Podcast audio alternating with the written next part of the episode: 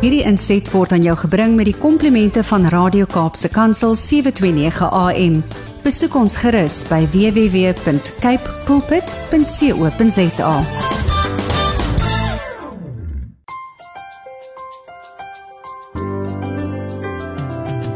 Laat ons ons kinders voorberei om waardige, bevoegde en etiese leiers te word. Mo Ibrahim het geskryf: There is a crisis of leadership and governance in Africa and we must face it.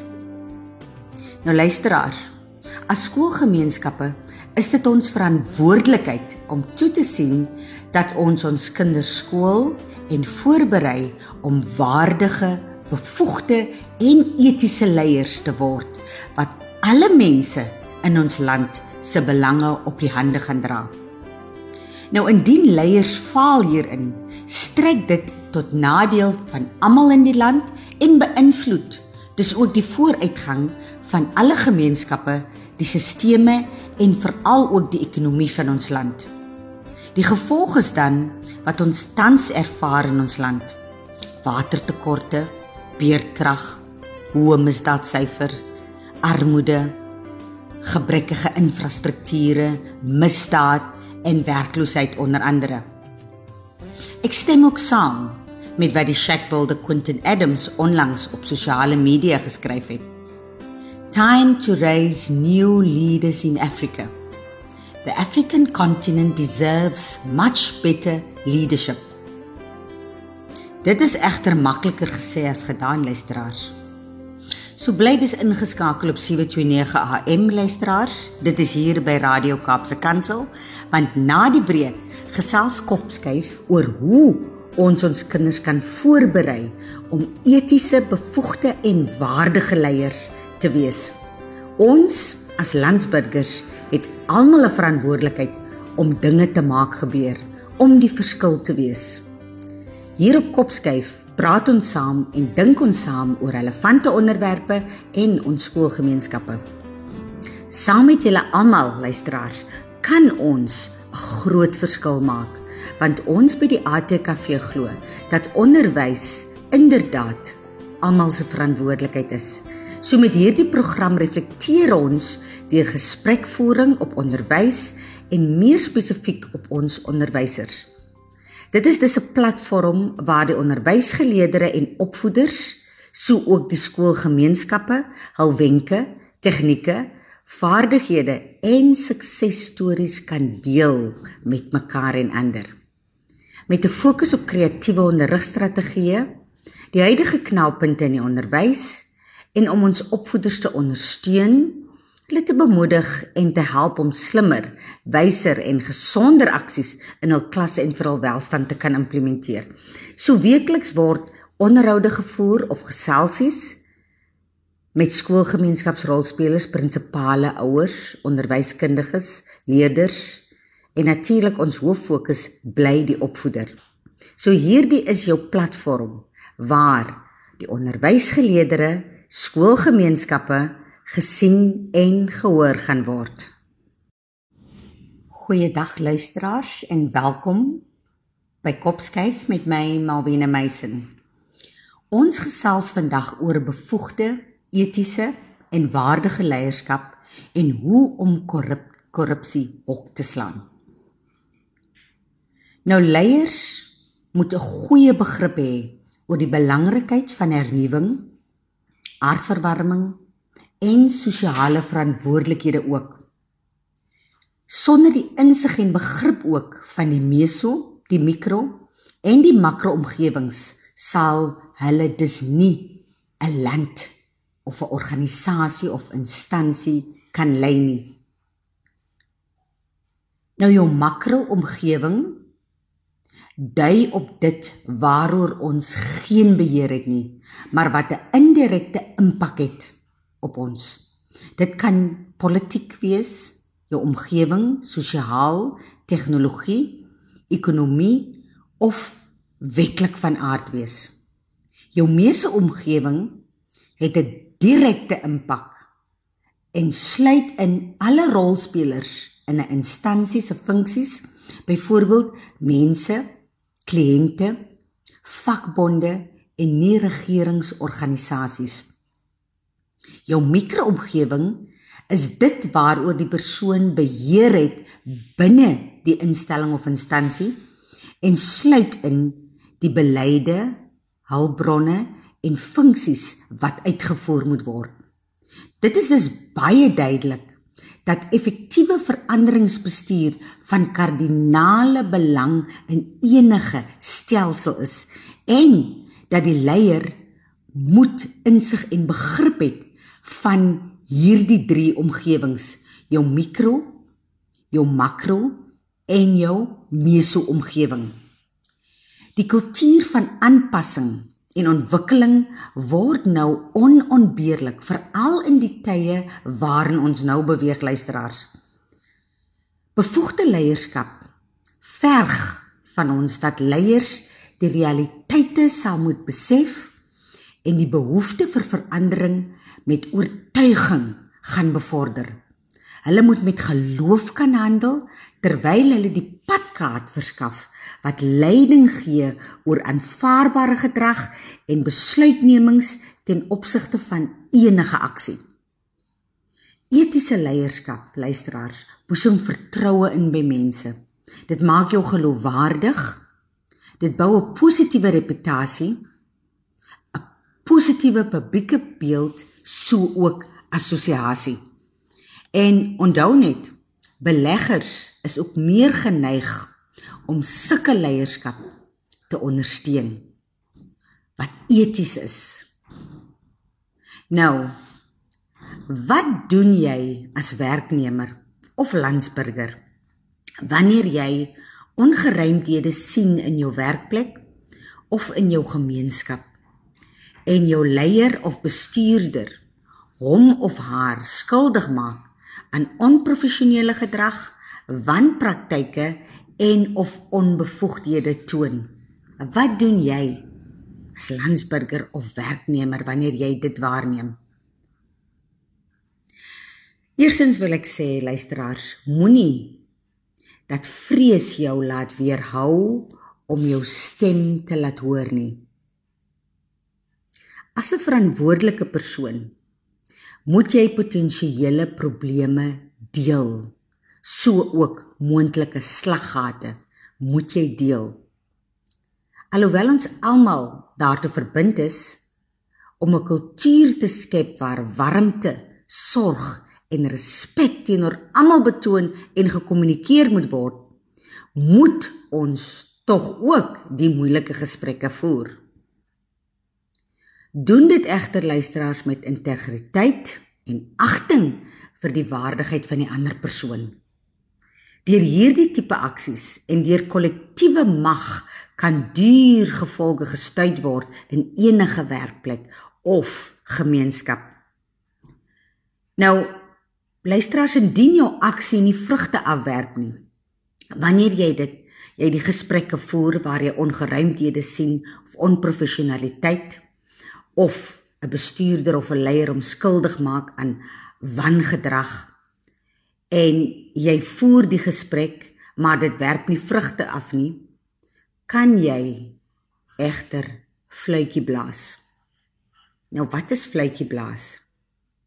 Fluitjie blaas is die term wat gebruik word as iemand inligting oor verkeerde dade deurgee of openbaar maak soos byvoorbeeld korrupsie, seksuele teistering en diefstal. Nou as 'n vletjie blaser na vore kom en belangrike inligting verskaf oor verkeerde dade, kan hulle die regering of die instansie besigheid baie geld spaar en onregmatige praktyke kan dus so ook stopgesit word. En so word korrupsie dus hok geslaan en die gemeenskap se lewens word aan die einde van die dag verbeter. Hulle kry wat hulle toekom. Nou op 25 September 2020 het Pinset Masons 'n artikel geplaas oor fluitjieblasery wat ek gelees het. Hierin staan die volgende: Die grondwet sit hoofsaaklik gedeeltes uiteen wat die beskerming van fluitjieblasers bied.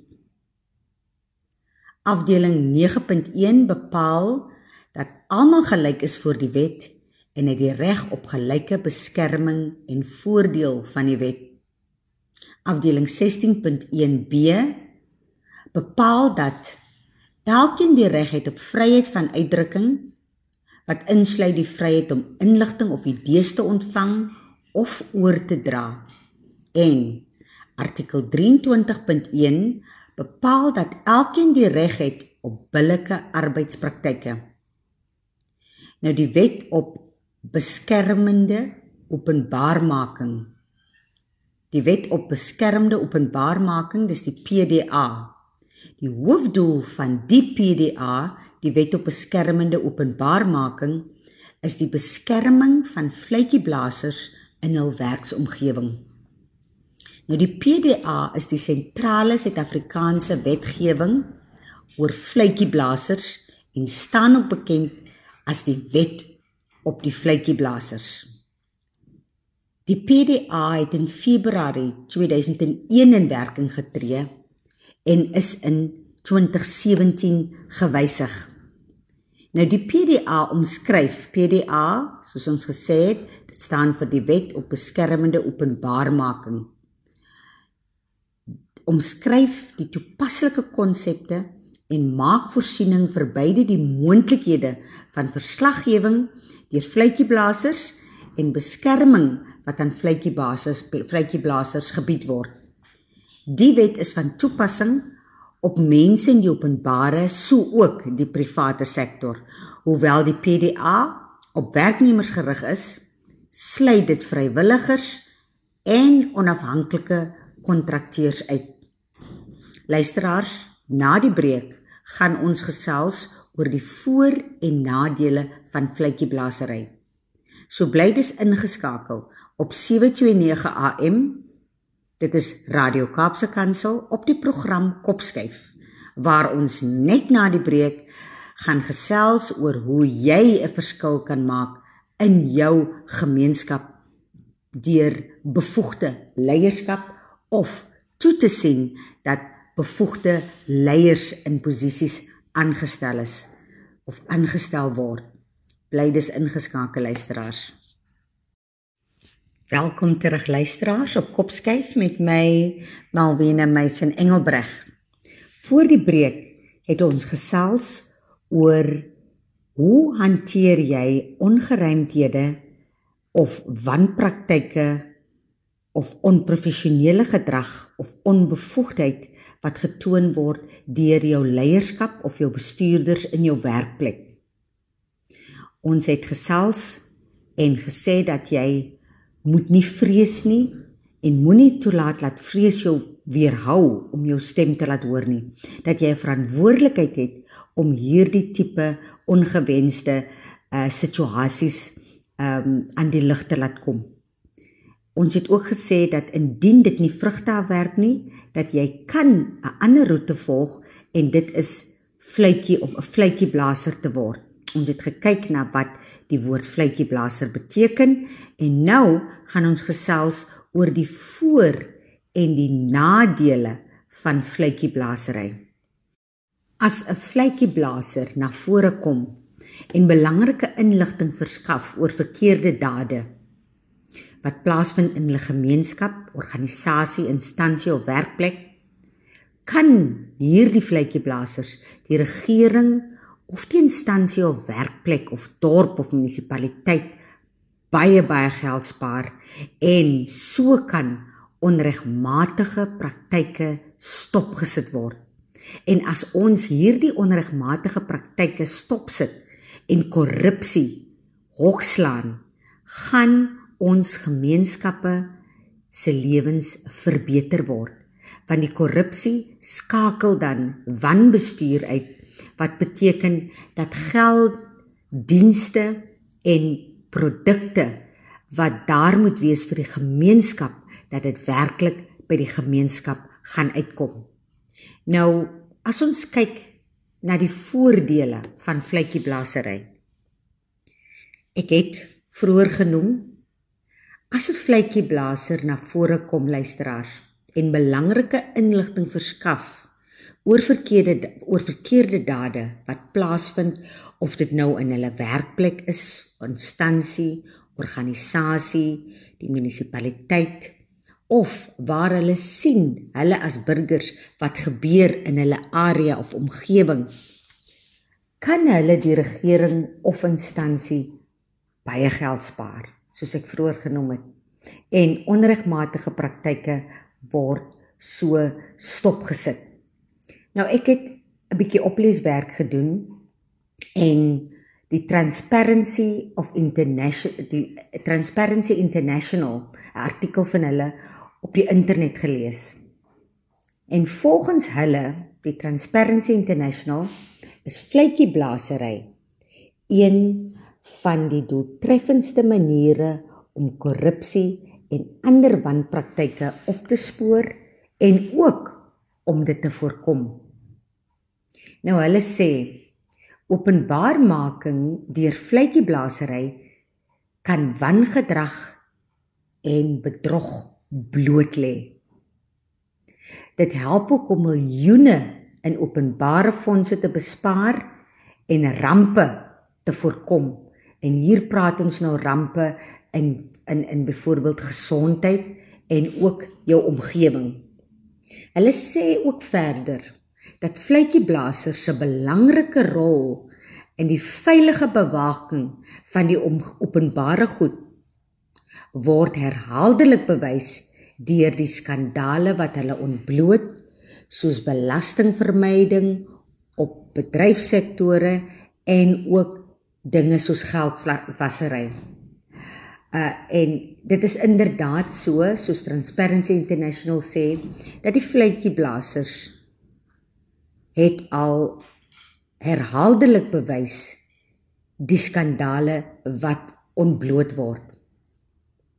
Nou baie meer gevalle van verkeerde dade kan voorkom word as meer mense na vore sal kom om probleme in hulle organisasies, die owerhede of die media bloot te stel. Dit is dit is jou verantwoordelikheid as landsburger om waar jy wanpraktyke of verkeerde dade sien of dit nou in jou kerk, organisasie, werkplek, munisipaliteit, gemeenskap, dorp is dat jy dit aanmeld dat dit ontbloot word. Indien jy dit nie doen nie, dan is dit jouself, jou gemeenskap en jou land wat daaronder gaan lê. Maar nou, dit is ook makliker gesê as gedaan. Ek het nog verduidelik, ons het nog gesels oor die voordele van vletjieblasery. Maar dit kom ook met 'n prys soms. Daar's nadele ook verbonde aan vletjieblasery. En soos Transparency International sê, ongelukkig het verslagdoening dikwels 'n hoë prys. Vletjieblasers waag loopbane Hulle kan hulle werk verloor, 'n lewensonderhoud en soms ook hulle persoonlike veiligheid om verkeerde dade bloot te lê wat die openbare belang bedreig. En dit is eintlik ironies dat hierdie vletjieblassers wat verkeerde dade wil ontbloot soms persoonlik onveilig voel van die nadele wat hier uitsprei is dat hierdie vletjie dale 'n blassers kan kan hulle werk verloor, hulle kan afgedank word. Hulle kan selfs gedagvaar word. Hulle kan op die swartlys geplaas word. Hulle kan gearresteer word. Hulle kan gedreig word. In uiterste gevalle word vletjieblassers selfs aangerand en selfs vermoor. Nou, sommige vletjieblassers luisteraars se aksies word gesien as verraad. Hulle word gesien as verraaiers eerder as dat dit as 'n voordeel vir die publiek beskou moet word. So eerder dat hulle sien maar hierdie persoon het iets goeds gedoen, word hulle gesien as verraaiers in die gemeenskap. Nou volgens hierdie ehm um, Transparency International is daar 3 hoofredes wat mense gee om nie korrupsie aan te meld nie. So dit is die redes waarom mense sê hulle sien die korrupsie, hulle sien die wanbestuur, maar hulle gaan dit nie aanmeld nie. En die drie hoofredes wat hulle aanvoer is eerstens is die vrees vir die gevolge. Wat gaan met hulle gebeur as hulle die korrupsie aanmeld? En hierna verwys hulle na wettig, finansiëel en hulle reputasie. Dan tweedens is die geloof dat niks gedoen sal word nie. Baie mense vrees dat al gaan hulle die korrupsie of wanbestuur aanmeld, dat daar gaan in elk geval niks daarvan kom nie. Niks gaan gebeur nie. Dat daar geen verskil gaan wees nie of dat dit wat hulle gaan doen om die vletjie te blaas, gaan nie 'n verskil maak nie. En dan die derde hoofrede waarom mense nie korrupsie wil aanmeld nie, is die ons onsekerheid wat by hulle by die vletjieblassers ontstaan oor hoe, waar en aan wie verslag gedoen moet word. Want as jy dit wil aanmeld, moet dit aan iemand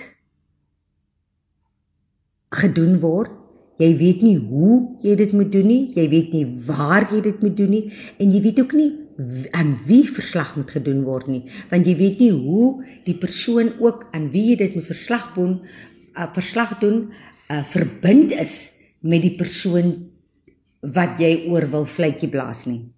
So dit kan 'n baie baie sensitiewe en 'n moeilike situasie wees vir 'n vletjieblaser en dit is dus te verstaane waarom baie mense eerder verkies om te swyg oor die dade wat hulle die verkeerde dade wat hulle sien gebeur in hulle werkplek of in hulle streek, hulle munisipaliteit, hulle omgewing, instansie en organisasie. Maar luisteraars, is dit reg dat ons swyg oor swak leierskap? oor leierskap waar wanpraktyke en en onprofessionele gedrag te verskyn kom? Moet ons swyg? Ons het gekyk na die voordele en die nadele. Aan die einde van die dag wil jy nie iets doen wat jouself en jou familie en gesin tot nadeel kan strek nie. Maar hoe gaan ons hierdie tipe wanpraktyke in ons land stopsit? Bly ingeskakel luisteraars op 729 AM. Dit is Radio Kaapse Kansel met my Malwena Meisen Engelbreg op die program Kopskyf. Hier by Kopskyf deel ons ons stories, ons deel ons ervarings en ook suksesresepte. Met Kopskyf glo ons by die ATKV dat onderwys is inderdaad almal se verantwoordelikheid en dat ons saam 'n verskil kan maak in ons land Suid-Afrika. Bly ingeskakel net na die breek gaan ons gesels oor hoe verseker mens dis goeie leierskap. As jy nie kan vletjie plaas nie, hoe gaan ons dan seker maak dat ons goeie leiers het en hoe gaan ons ons kinders voorberei om volwaardige etiese leiers te word? Welkom terug luisteraars op 729 AM. Dit is hier by Radio Kaapse Kansel. Julle kan ons volg op ons Facebook bladsy. Dit is ATKV of jy kan ook Radio Kaapse Kansel besoek. Jy kan ook die toep aflaai van Radio Kaapse Kansel en dit so op jou rekenaar of op jou foon na luister. En indien jy enige program mis of enige van die kopskyf programme gemis het, wees gerus, jy kan dit luister op die pot gooi op 729 AM op jou eie op jou eie tyd wanneer en waar jy wil. Gaan besoek dus net die Radio Kaapse Kansel webblad of laai dit toe af op jou foon of op jou rekenaar en dan kan jy na die pot gooi luister op 729 AM na jou programme wat jy wil luister en jy kan dit ook aflaai.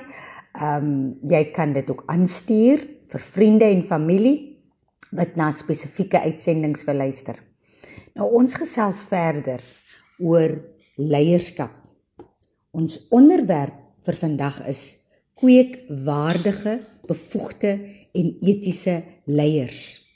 En ons het gekyk na ongeruimthede in ons gemeenskap of werkplek as gevolg van swak en onbevoegde of onprofessionele leierskap. En ons het ook gesels oor vletjieblasery. Wanneer jy die onbevoegdhede of wanpraktyke uh in jou area in jou gemeenskap in jou werkplaas werkplek sien gebeur wat jy kan doen om dit aan te meld En ons praat hier van vletjieblasery en ons het ook gesels oor die voor en nadele van vletjieblasery. Daar is baie nadele verbonde aan vletjieblasery. En ons het die vraag gevra: Is dit dan die regte ding om stil te bly indien daar soveel nadele verbonde is aan vletjieblasery?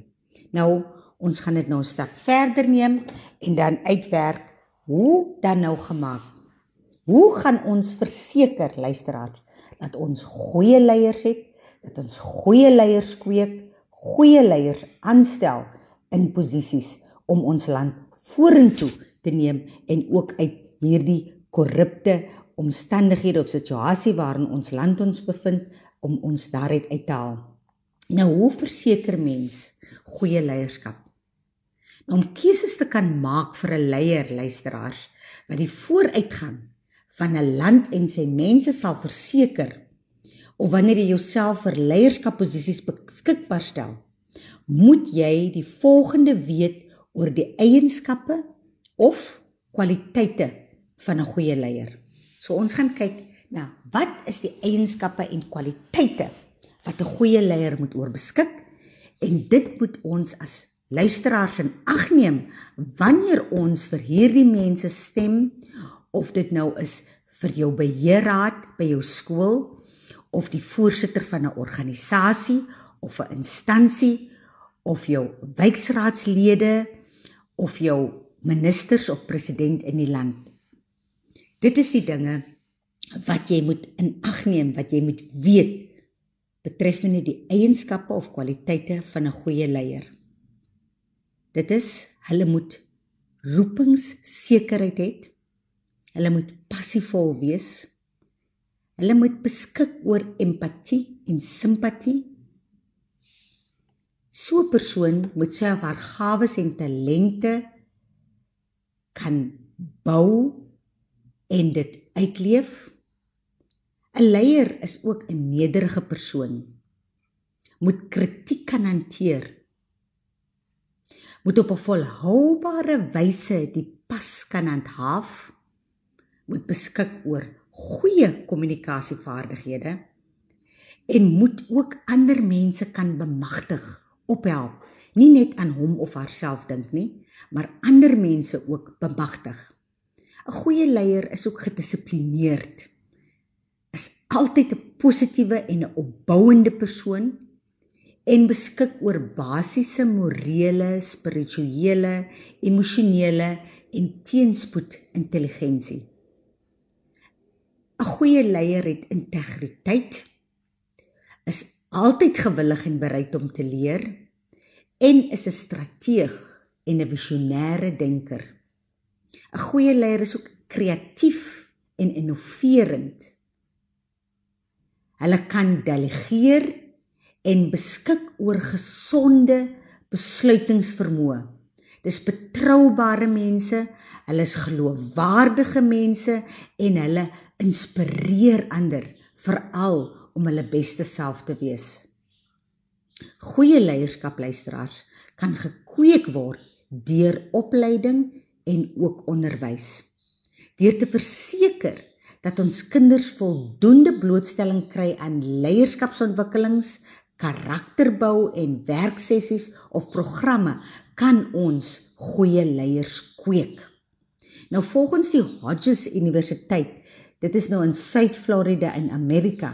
Identifiseer hulle ag kenmerke van 'n goeie leier van 'n goeie leier. En ek het nou sopas ge, ge, ge, ge, genoem die eienskappe van 'n goeie leier. Ons kyk na wat Hodges Universiteit sê. Hulle het ag kenmerke wat hulle identifiseer van 'n goeie leier. Hulle sê 'n goeie leier toon empatie en gee om vir hul span se insette. Hulle toon nederigheid en misbruik nie hulle gesag nie. Hulle het respek vir ander en weet dat almal unieke prioriteite en vaardighede het. Hulle is deursigtig met die span en is oop vir eerlike kommunikasie. Hulle lei deur hul voorbeeld en kommunikeer wat hulle wil terugkry. Hulle is geduldig en vergewensgesind as daar foute wel gemaak word. Hulle hou hulle self ook verantwoordelik omdat hulle die leiers of bestuurders is. En goeie leiers is innoverend en het 'n verbintenis tot voortdurende lees. Nou as jy kyk na hierdie ag eienskappe wat die Hodges Universiteit identifiseer, is dit stem dit ook ooreen met wat ek wat ek voorheen genoem het. So daar is 'n goue draad oor wat belangrik is in goeie leierskap. En luisteraars, ek wil graag hê julle moet na hierdie eienskappe kyk, die kenmerke kyk en kyk terug na jou situasie waarin jy jou bevind in jou werkplek, in jou plaaslike dorp waar jy sit met jou uh, munisipaliteit. Jy sit met jou bestuurders en voorsitters en predikante in die kerk, jou prinsipale in skole, vakhoofde, streeksdirekteure, departementshoofde, kringbestuurders en kyk of hulle oor hierdie kenmerkende eienskappe beskik. Is hulle empaties? Gee hulle om vir hulle spanne. Is hulle nederig of misbruik hulle hulle gesag? Toon hulle respek teenoor jou. Help hulle vir jou ook om jou beste weergawe van jouself te wees. Neem hulle verantwoordelikheid vir dit wat in hulle afdeling gebeur. Is hulle innoverend? Is hulle kreatiewe denkers? Is hulle eerlik in hulle kommunikasie? Is hulle deursigtig met die span? En hierop kan jy self besluit of jy 'n goeie leier in jou omgewing het of selfs jy wat dalk 'n leier is of jy 'n goeie leier self is. Nou verskeie programme luisteraars selfs aanlyn programme deesdae weens Covid is wel beskikbaar vir individue en ons skoolgemeenskappe om hierdie uiters belangrike vaardighede wat ek nou na verwys het aan te leer of om dit te ontwikkel en of te bemeester. Dit is belangrik dat ons toesien dat ons ons kinders veral met hierdie vaardighede bemagtig en hierdeur kan ons verseker dat ons die probleem van swak leierskap gaan uitskakel as ons ons kinders met die regte kenmerkende eienskappe van goeie leiers bemagtig. So hoef ons dus nie bekommerd te wees dat ons moet vletjieblassers word as gevolg van swak leierskap nie as ons nou al die boompie terwyl hy nog klein is buig as ons daai uh, uh, uh, grond bemes en verseker dat ons goeie kwaliteit kinders grootmaak wat dan ook goeie leiers kan wees. Nou by die ATKV is daar spesifieke programme wat leierskapontwikkeling suksesvol aanspreek. En hier hier verwys ek nou na onder andere programme soos die DigiGroei is 'n digitale uh, aanbieding uh, wat gedoen word, aangebied word waar jy soos die woord ook sê digi groei waar vir jou help om te groei en te ontwikkel in 'n goeie ehm um, leier en met goeie kenmerkende eienskappe. Dan is daar ook die digikap die digikaptein soos die woord sê kaptein, dit is ook gemik op leierskapsontwikkeling.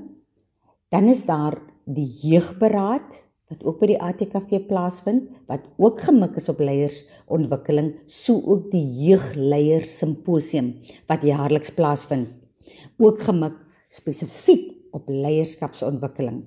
Dan is daar die postmatriek wat leerders kan doen na hulle matriek voltooi het en soos ons praat van die gap jaar wil vat, kan hulle die postmatriek doen wat oor 'n paar maande duur en dit is hoofsaaklik gemik op leierskapontwikkeling. Dan ook kopskuif wat programme aanbied vir ons leerders spesifiek ook om leierskapsontwikkeling uh, uh, by hulle uh, uh, te te kweek. So indien luisteraars graag wil leierskapsontwikkeling op wil fokus of dit nou vir hulle self is of dit nou vir hulle skoolgemeenskap is of dit vir hulle leerders, vir hulle kinders is, besoek gerus ons webblad om meer hieroor uit te vind. Dan luisteraars, ons tyd loop amper uit en soos gewoonlik gaan ek afsluit met die laaste vraag. Indien ek met die minister van basiese onderwys, dis nou minister Angie Motshega en die president, dit is nou president Cyril Ramaphosa om een tafel sou gesit het, wat sou ek graag vandag aan hulle wou deurgee? En my antwoord hier is: tree op teen onetiese, onbevoegde leierskap, minister en president. Veral in ons staatsinstellings en ondersteun skoolgemeenskapsprojekte waar kinders gelei word om waardige leiers te kan word. Dan sluit ek af met die volgende soos geskryf staan in Jakobus 5 vers 19. My broers, as een van julle van die waarheid afdwaal en iemand sou hom terugbring, weet dan dat hy wat 'n sondaar van sy dwaalweg terugbring, hom uit die dood red en maak dat 'n menigte sondes vergewe word. Luisteraars, dit was Kopskyf met my Malwena Meisen Engelbregt. Luister gerus elke Saterdag tussen 4 en 5 na Kopskyf hier op 729 AM waar ons onderwys sake gesels. Jy kan ook ons webblad besoek by 729 AM Radio Kaapse Kansel en ook die ATKV webblad. Dit is www.atkv.org.za of alternatiefelik kan jy ons webblaaie besoek op Facebook, Insta en op Twitter. Dit is nou Radio Kaapse Kansel en ATKV. Want ons by die ATKV glo luisteraars dat onderwys is inderdaad almal se verantwoordelikheid. Hierdie inset was aan jou gebring met die komplimente van Radio Kaapse Kansel 729 AM. Besoek ons gerus by www.cape pulpit.co.za.